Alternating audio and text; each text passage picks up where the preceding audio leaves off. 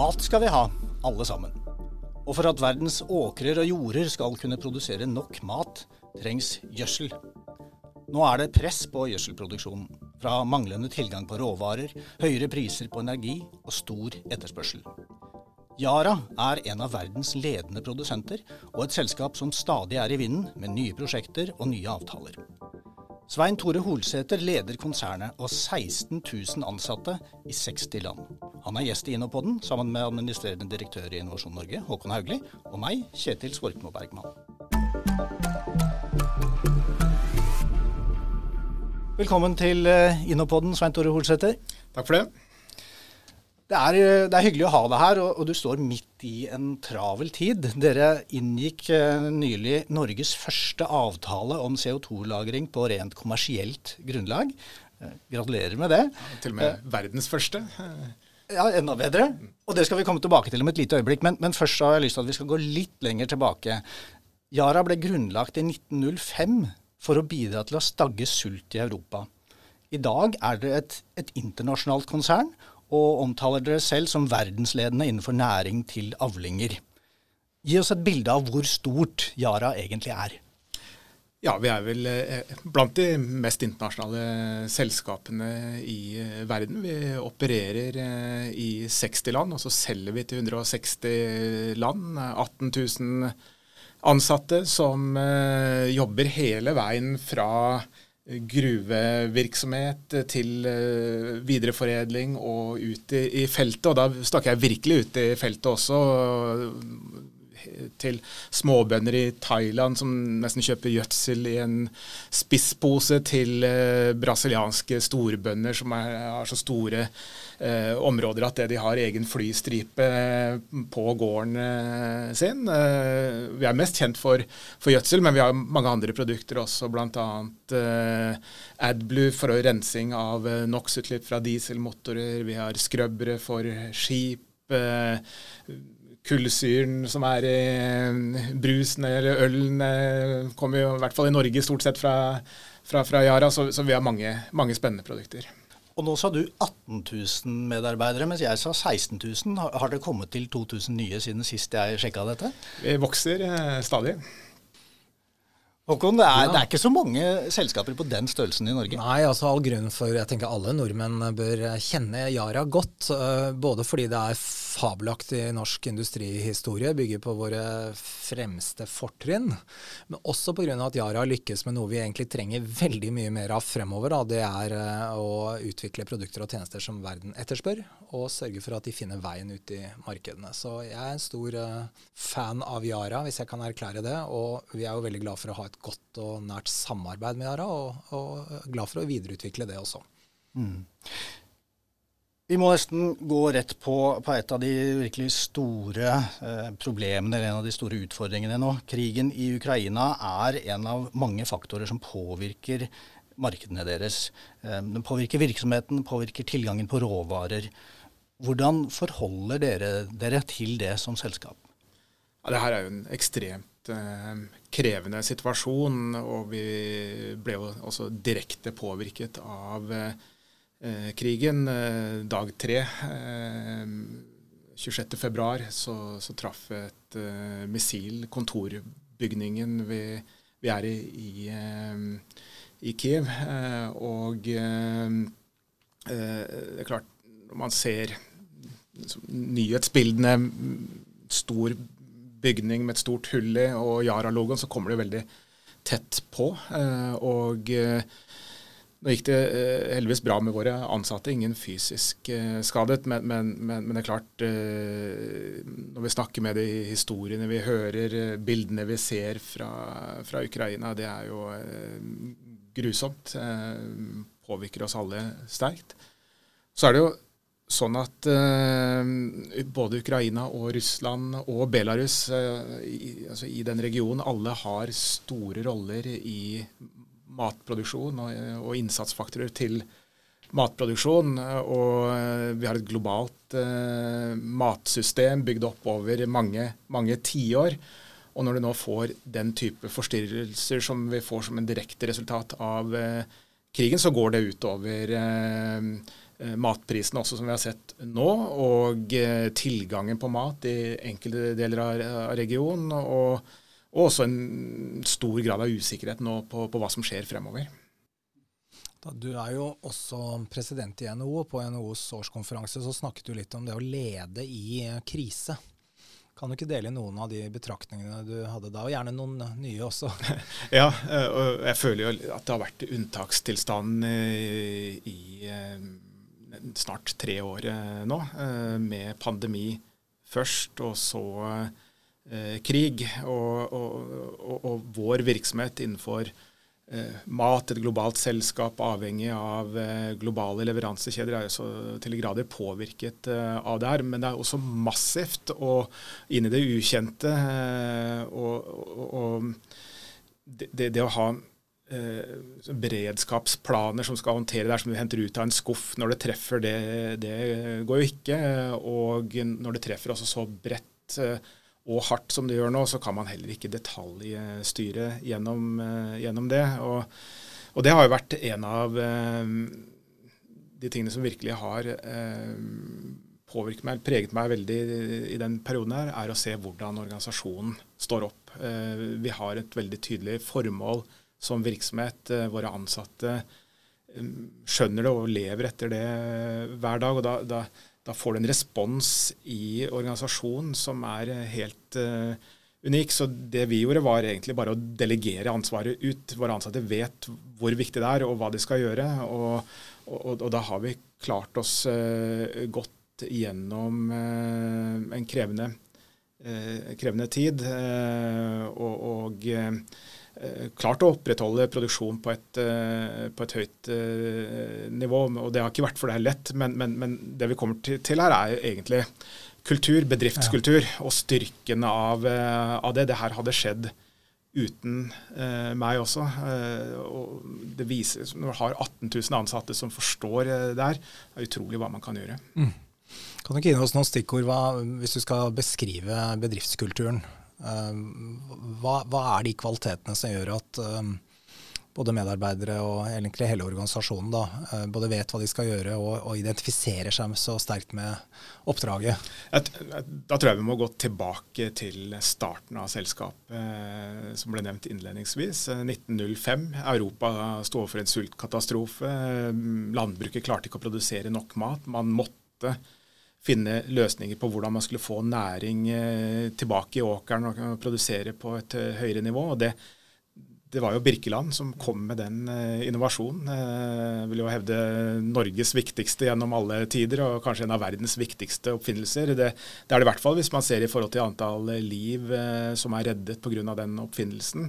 Så det er jo starten. altså Vi, vi, vi jobber med løsninger som som har eh, stor effekt på, på menneskeheten. Og så er det jo eh, så direkte. da, Man ser produktet vårt. Eh, når vi er ute og åkeren, snakker med bonden, så ser vi hvor stor økning man kan få i avlingene, kvaliteten på avlingene. Og det gjør et inntrykk på alle.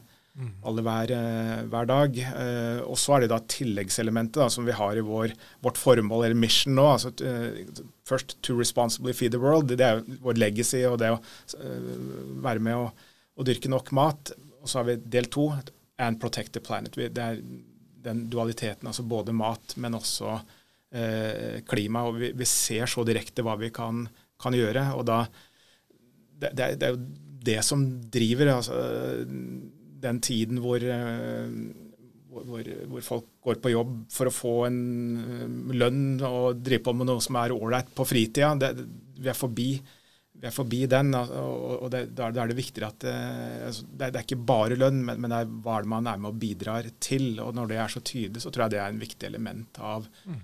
av hvordan vi jobber. Mm. Si litt mer om, om, hvordan akkurat dette er for deg. For du har engasjert deg over lang tid i en rekke internasjonale fora for bærekraft, for det grønne skiftet osv. Er, det, er det god forretning, eller er det en personlig person hos deg?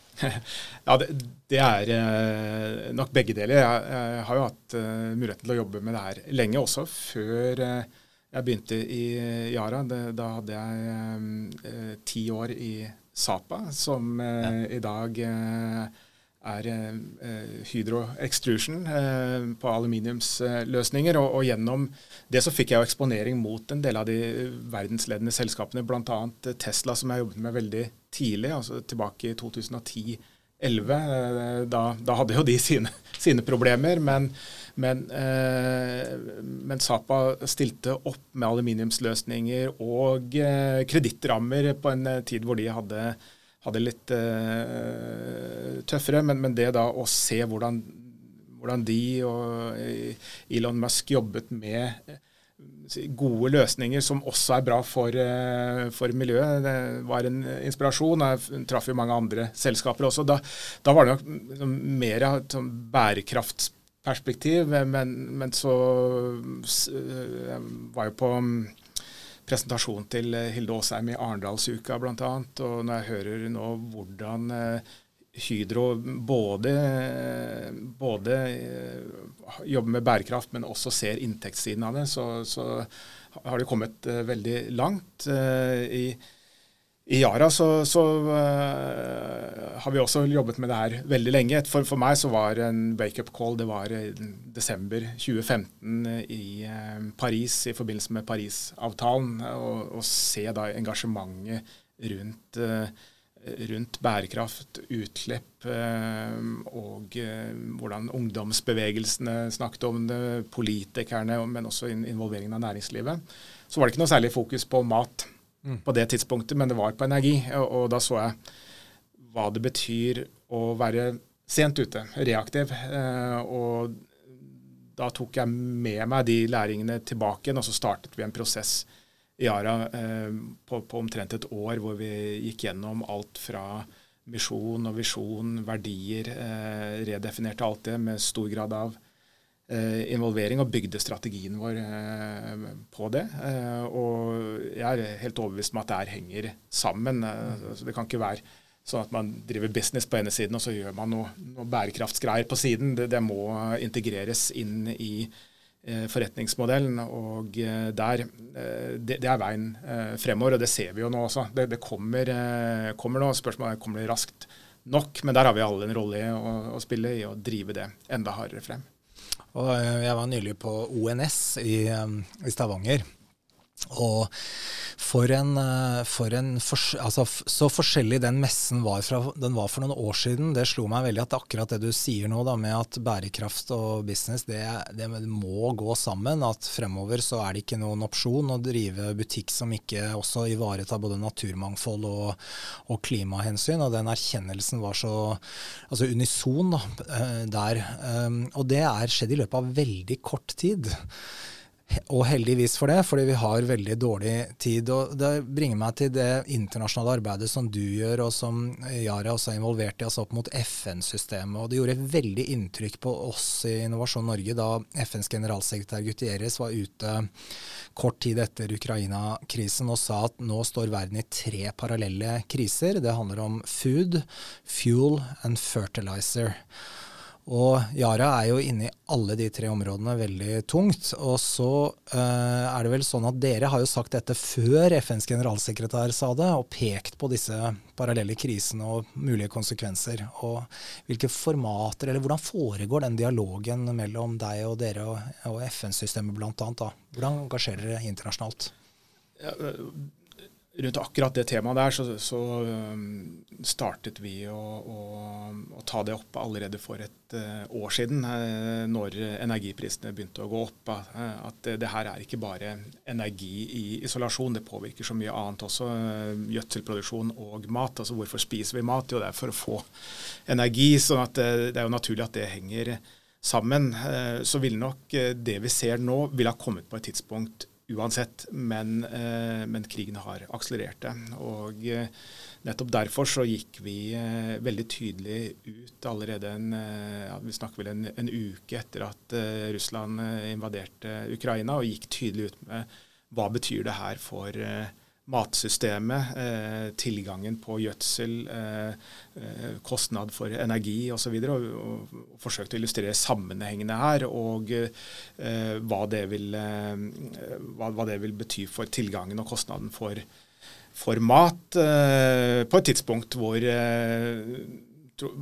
mange fra næringslivet var veldig forsiktige. og det, det er bare å nå, nå, er diskusjonene litt mer nyansert. Det, det, det var en tid hvor mm. eh, flere fra eh, næringslivet vegret seg for å gå, for, for å gå ut. Eh, og, eh, men vi gjorde det, og det, det, måtte vi med det vi eh, så. men siden det var såpass få som gjorde det, så fikk det jo en enorm oppmerksomhet. Så, så jeg har vært flere ganger på BBC, CNN, Sky News, Wall Street Journal, New York Times, Der Spiegel.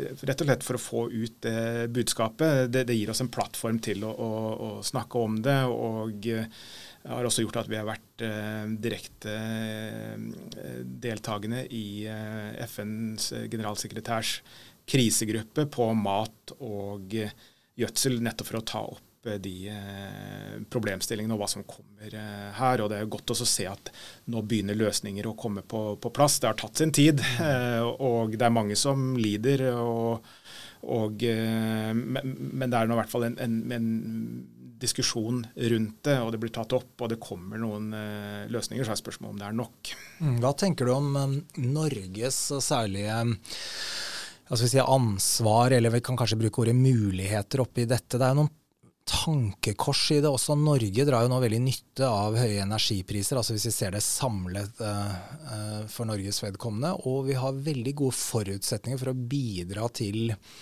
både mer bærekraftig matproduksjon eh, gjennom det dere og andre gjør, og, og, ikke minst bidra til fornyelse av energisystemer, altså utbygging av fornybar energi i andre land.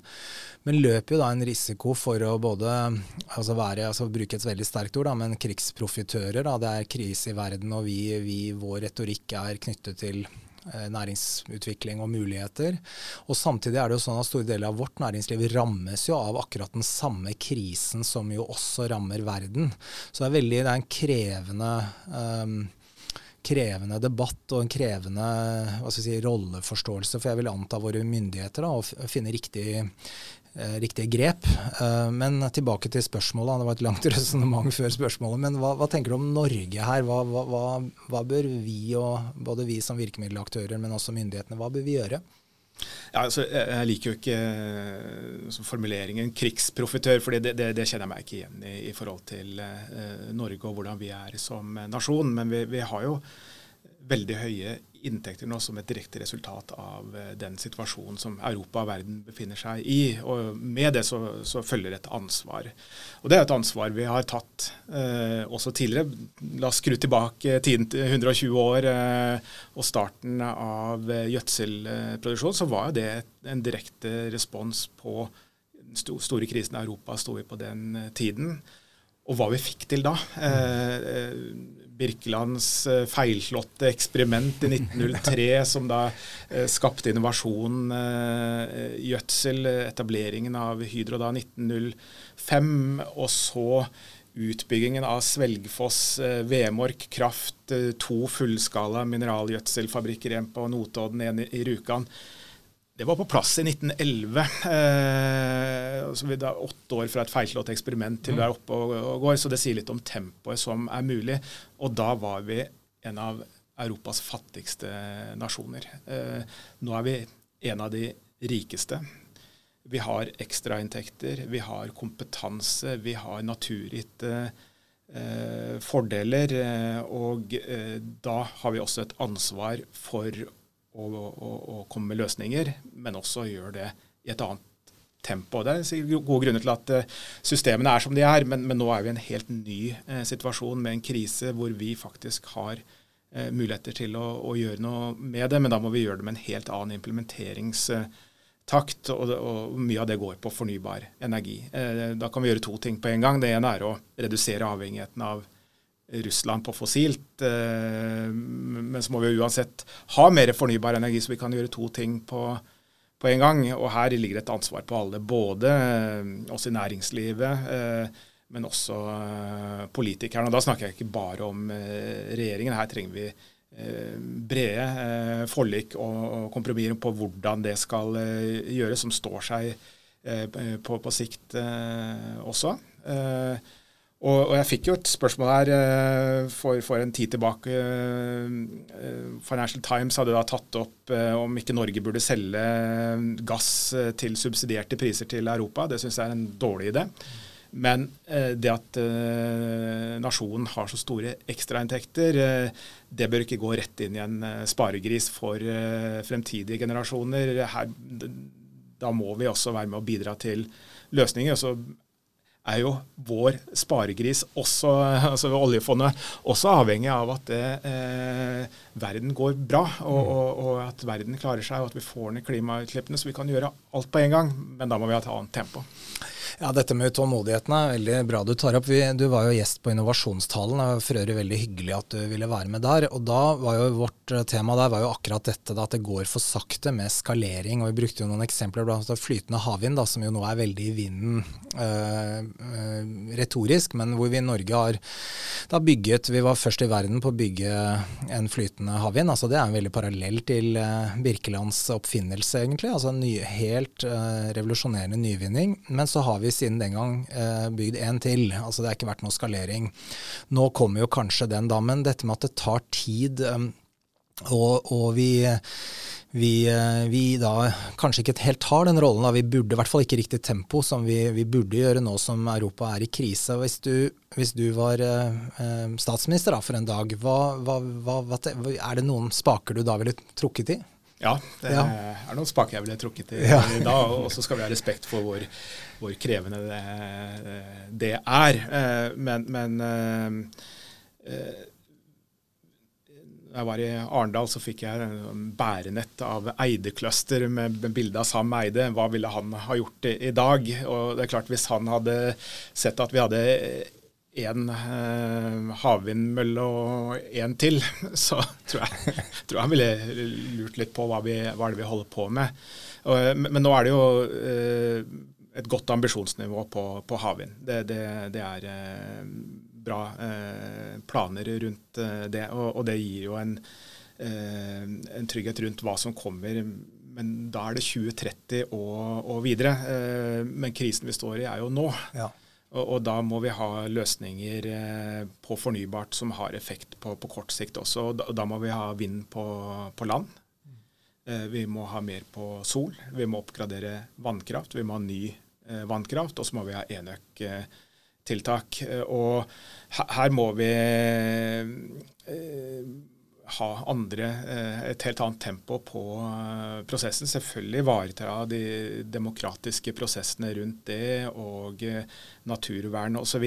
Men litt tilbake til vår internasjonale virksomhet. Når vi er i 160 land, så ser jeg jo litt av hvert rundt omkring i verden. Men hvis det er ett land hvor det skulle være mulig å, å, å gjøre en rask utrulling av fornybar energi og ivareta demokratiske prosesser og natur, så er det jo Norge. Eh, og, og, og, og, da ville jeg, hvis jeg eh, en liten periode hadde vært statsminister, eh, fokusert på, på, det å få samlet eh, rundt konkrete tiltak som har effekt nå, hvor vi får spadene i jorda, bestilt eh, turbinene og lagt solcellene på takene og, i, og, og, og så videre, så, sånn at vi, vi, ser effekten av det og veien ut av det. fordi det trenger jo næringslivet også. Vi står i en eh, krevende periode nå. Det er mange bedrifter som sliter. Men da er det også viktig å se at tiltakene kommer som skal bedre det her på sikt, sånn at man står gjennom det.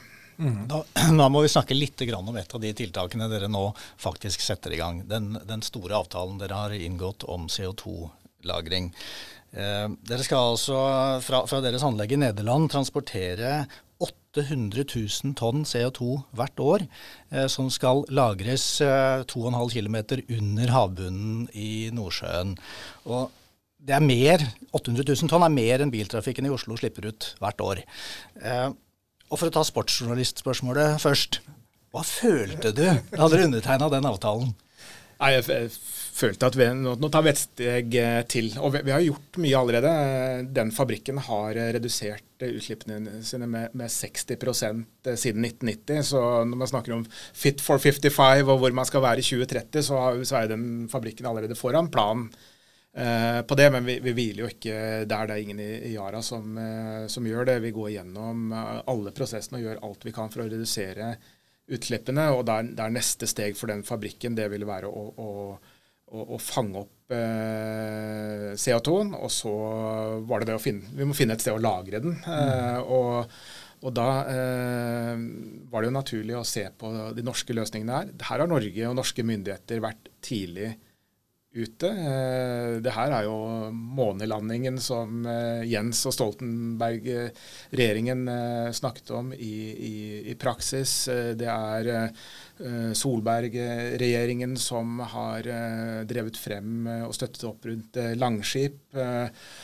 Og så setter vi det da i kontekst med Europa. Og, og, og da gjør vi to ting. Vi, ene er at vi er med å redusere eh, utslippene, men, men, så er det da at Norge er med å spille en rolle på eh, inn mot Europa, komme med løsninger eh, også. Eh, og så er det det her er en kommersiell avtale og, og eh, med betydelige volum. Og så håper vi at flere også tar inspirasjon av, av det. Og så er det internasjonale løsninger. Utslippene de stopper jo ikke på grensen fordi det var et nytt eh, land, og da, da kan ikke de løsningene heller gjøre det. Så eh, det er mye mer komplisert, men, men det var mulig. Og det, er klart det var veldig fint å kunne lansere det sammen med Equinor og Shell, Total og Northern Lights. Og vise hva som er, er, mulig. Så er det ett av mange steg vi tar i Yara for å redusere utslippene. Mm.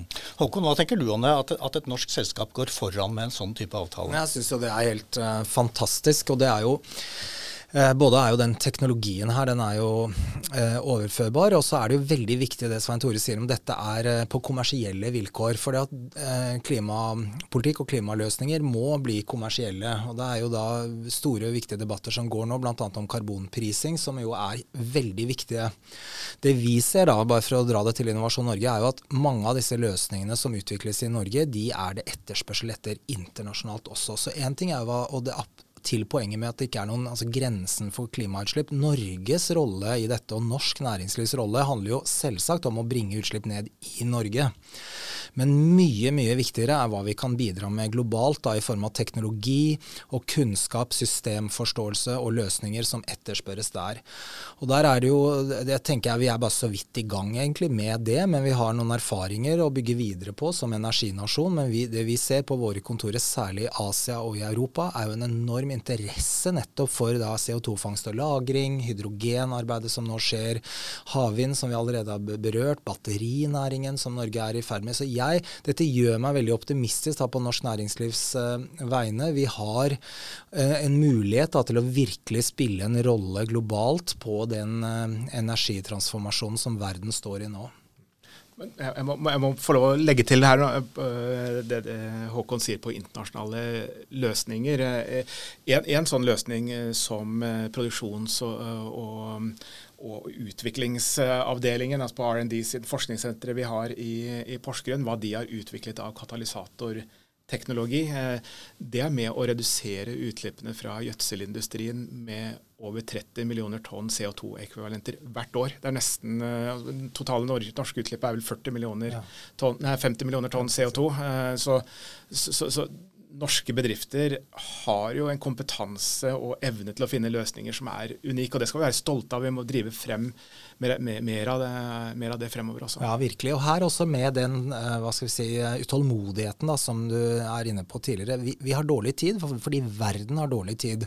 Så vi må stokke beina også fra norsk side da, og sørge for at vi er til stede der hvor disse behovene er, og at vi er i stand til å gjøre de gode koblingene mellom nettopp din type teknologiske løsninger og kompetanse med markedsbehov ute. Og her tenker jeg nå, nå er det litt sånn brette opp ermene alle sammen. altså Team Norway, da, som jo alltid er viktig og relevant, har en særskilt rolle nå da, i møte med disse krisene. Nå beveget vi oss litt vekk fra mat, men det er en helt klar parallell til mat her også, hvor Norge også er en stormakt innen mat, særlig innenfor sjømat, men også innenfor gjødsel, da, som Yara er en, eh, den fremste representanten for. Og så har vi også eh, andre teknologiske løsninger, fordi vårt jordbruk er så preget av knappe ressurser og eh, mange begrensninger, så er det mange innovative løsninger som utvikles. Og her også på matområdet mener jeg også Norge har en veldig klar, eh, og norsk næringsliv har en veldig klar rolle å spille. Vi, vi, begynner å få litt dårlig tid her ja, også. Det er så viktig men, tema, vet du, så vi må bruke tid. Her er det mye vi skulle snakke lenge om. Eh, men, men eh, vi må så vidt innom en, en annen avtale som dere ja. nylig har undertegnet. Ja. En samarbeidsavtale mellom Innovasjon Norge og Yara. Hvorfor det? Vi, vi, samarbeider veldig godt med Yara på veldig mange av våre utekontorer. Og det er kjempeinteressant. altså Alt fra Kenya til eh, mange andre land, hvor, hvor det er tett og nær dialog mellom eh, Yaras folk og våre folk. Det vi ønsker med denne avtalen, er jo å videreutvikle det samarbeidet. Sørge for at vi gjør så god jobb vi bare kan fra Innovasjon Norges side. Dvs. Si vi ønsker en jevn og god dialog også med ledelsen i Yara, så vi vet hvordan vi kan gjøre vår jobb godt. I tillegg så ligger det har Yara påtatt seg en forpliktelse som jeg oppfatter at de allerede, eller dere da, allerede ivaretar, om å være et lokomotiv for andre bedrifter innenfor den sfæren, da, vi kan kalle det mat, gjødsel eller energisfæren, med å, å, bidra til at også andre norske bedrifter fyller sin rolle. Så det er den avtalen består av det. Så det handler egentlig om å ta, å, ta et samarbeid som er godt, et, en dimensjon opp. Mm. Hvorfor er en sånn avtale viktig for dere, Svein Tore? Samarbeid det, det er helt avgjørende nå for eh, å nå eh, klimamålene. Vi, vi er i 2022. Det er eh, bare noen få år igjen til 2030, og da er tiden hvor hver enkelt kunne gjøre litt, den er, den er forbi. Nå handler det om systemløsninger, hele verdikjeder, samarbeid. Og samarbeid skal det altså bli mer av mellom eh, store selskaper som Yara og offentlige aktører som oss i Innovasjon Norge. Vår tid i denne Innopoden er i grunnen også forbi, og det gjenstår bare å si takk til konsernsjef i Yara, Svein Tore Holsæter, og administrerende direktør i Innovasjon Norge, Håkon Haugli. Mitt navn er Kjetil Svorkmo Bergman. Vi høres igjen i neste Innopod.